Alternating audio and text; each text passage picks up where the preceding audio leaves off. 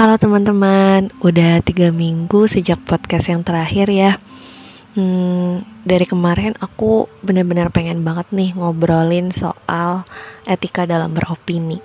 Gimana sih kita sebagai seorang subjek ataupun pengamat dari sebuah opini yang beredar di sekeliling kita? Nah sebelumnya kita bahas dulu nih terkait dengan opini. Sebenarnya opini itu apa sih? Kalau menurut KBBI, opini itu artinya pendapat. Ya, sebagai seorang manusia, kita emang memiliki kecenderungan suka untuk beropini. Wajar, karena fitrahnya manusia itu emang suka banget nih menilai. Bahkan kadang untuk hal yang cuman lewat sepintas aja itu udah bisa menstimulus kita untuk menilai. Contohnya nih, kita lagi jalan-jalan bareng Besti, terus ngeliat nih ada orang yang pakai baju yang menurut mata kita nih rasanya kok ih kok aneh sih gitu. Nah langsung dah tuh mulut rasanya gatel pengen berkicau kan? Misalnya bilang eh lihat deh ih itu mbak mbak gila sih warna bajunya nabrak banget sumpah pusing gue ngelihatnya contoh ya ini Yap, kebiasaan suka dan mudah beropini ini terus berlanjut dan terus berkembang terlebih di zaman sekarang ya yang memang semuanya itu udah bebas nih berpendapat dan difasilitasi juga dengan adanya media sosial yang membuat kita lebih bebas lagi dalam beropini. Siapa pun bisa mengaksesnya kapan pun, di belahan bumi mana pun, di dalam rentang usia berapapun. Kalau diamati, opini itu kayak-kayaknya terkesan sederhana. Hanya sebuah ciutan dari mulut manusia yang gak ada bentuk fisiknya, hanya diwujudkan dalam kata melalui tulisan ataupun suara. Tapi ternyata kata bukan sekedar kata nih teman. Sampai ada pepatah yang bilang mulutmu itu harimaumu.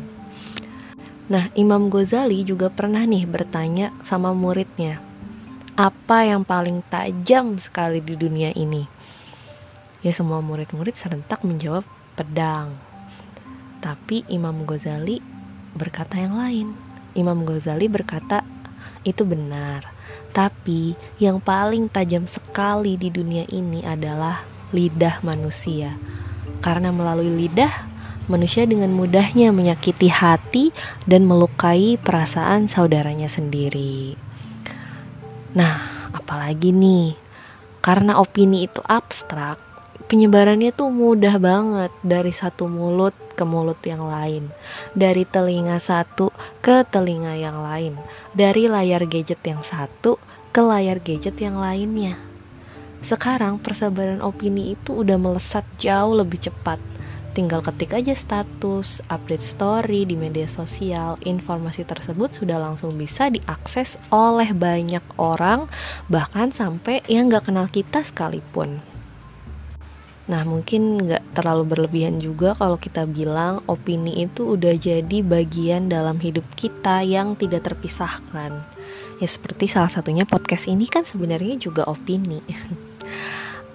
Nah di podcast kali ini seperti yang udah aku jelasin di awal Aku pengen banget ngebahas tentang etika dalam beropini Sebagai subjek yang beropini dan pengamat dalam sebuah opini.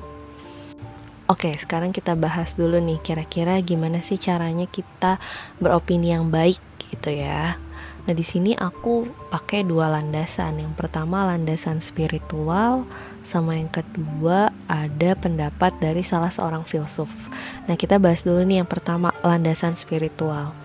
Salah satu landasan dalam Al-Quran yang dapat dijadikan pijakan dalam beropini adalah surat Al-Isra ayat 36 yang artinya Janganlah engkau mengikuti sesuatu yang tidak kamu ketahui Karena sesungguhnya pendengaran, penglihatan, dan hati nurani semua itu akan dimintai pertanggungjawabannya Ayat ini singkat, tapi cukup untuk mengingatkan kita agar berhati-hati dalam beropini.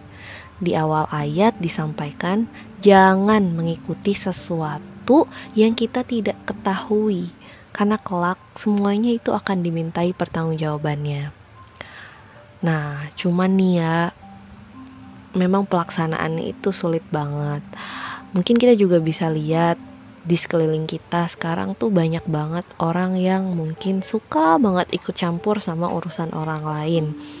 Suka ikut ngompor-ngomporin suatu berita padahal dia sendiri belum tahu nih benar-benar apakah kebenaran berita itu benar-benar benar atau enggak gitu. Jadi kebenaran beritanya sendiri aja itu belum dicek.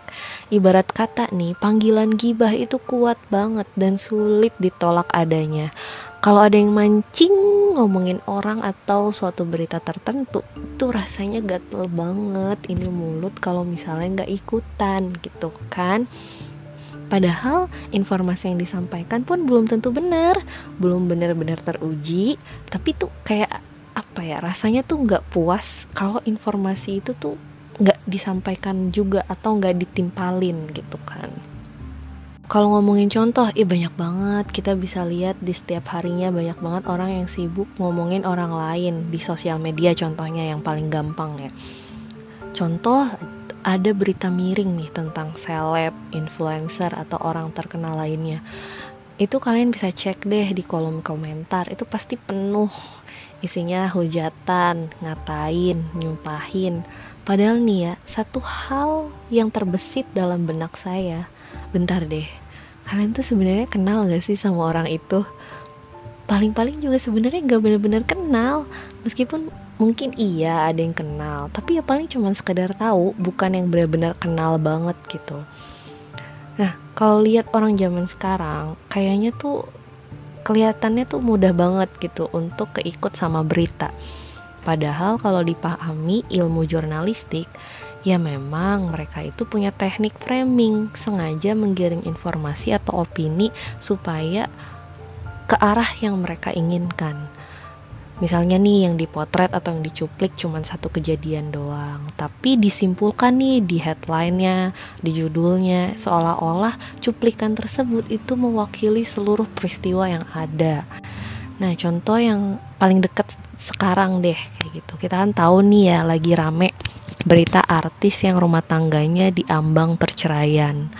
Lalu ada berita bahwa penyebabnya itu adalah salah satu anaknya. Nah, terus ada video nih di mana ada anak bontotnya yang terlihat lagi melipat tangan di meja sambil nunduk. Langsung tuh dimaknai sama media, wah anaknya tuh pasti sedih tuh, stres dia, ih gara-gara kakaknya nih, gimana sih kakaknya gitu. Nah, langsung netizen juga mengomentari hal yang sama ikut menghujat memberikan komentar yang negatif terhadap kakaknya tersebut Padahal kalau netizen lihat di postingan keluarga mereka, itu si anak bontot sama kakaknya baik-baik aja. Tapi video tersebut ramai nih, udah udah terlanjur ramai dikomentarin sama netizen yang isinya menghujat kakaknya itu. Gak perlu saya ceritain siapa ya, mungkin udah pada tahu. Nah kebiasaan kayak gini akhirnya ya sebenarnya menguntungkan si tukang bikin gosip sih Karena kan sebenarnya mereka nyari panggung Eh beneran dikasih panggung sama netizen kan Nah kira-kira nih perilaku semacam itu tuh udah menerapkan surat Al-Isra ayat 36 atau belum sih? Apakah sudah berpendapat dengan didasari sebuah pengetahuan? Ayo kita introspeksi diri masing-masing aja apakah kita masih sering melakukan hal tersebut juga? Mungkin gue sejauh-jauh lah untuk berani berkomentar di kolom sosmed atau medsos gitu ya. Coba aja mati keseharian kita. Berapa persen waktu yang kita gunakan setiap harinya untuk sekedar ngomongin orang atau ngomongin berita yang belum terkonfirmasi kebenarannya itu landasan yang pertama. Nah, landasan yang kedua ini menarik juga sih. Seorang filsuf yang bernama Socrates itu mengajarkan kita untuk melakukan tiga filter terhadap sebuah informasi. Tiga filter ini juga bagus untuk kita terapin sebagai pedoman dalam beropini, terutama di era yang bebas berpendapat seperti sekarang. Filter yang pertama, Socrates mempertanyakan terkait kebenaran berita tersebut. Apakah yakin berita tersebut itu benar. Jadi, kebenaran suatu informasi adalah hal pertama yang harus dicek kebenarannya. Jangan sampai kelewat, jangan sampai udah kebawa duluan sama informasinya, tapi lupa ngecek kebenaran informasinya tuh gimana gitu. cari tahu dulu apakah sumber informasinya itu bisa dipercaya apakah opini yang disampaikan itu fakta atau jangan-jangan cuma spekulatif apakah informasinya logis atau ada yang hal yang janggal atau hanya sebagian aja nih dicuplik jadi coba nih kita latih otak kita untuk berpikir ketika menerima informasi supaya nggak mudah diguncang sana sini sama informasi yang beredar. Lanjut ke filter yang kedua. Socrates menyarankan kita untuk mempertanyakan kebaikan dari berita tersebut. Apakah berita itu adalah sesuatu yang baik?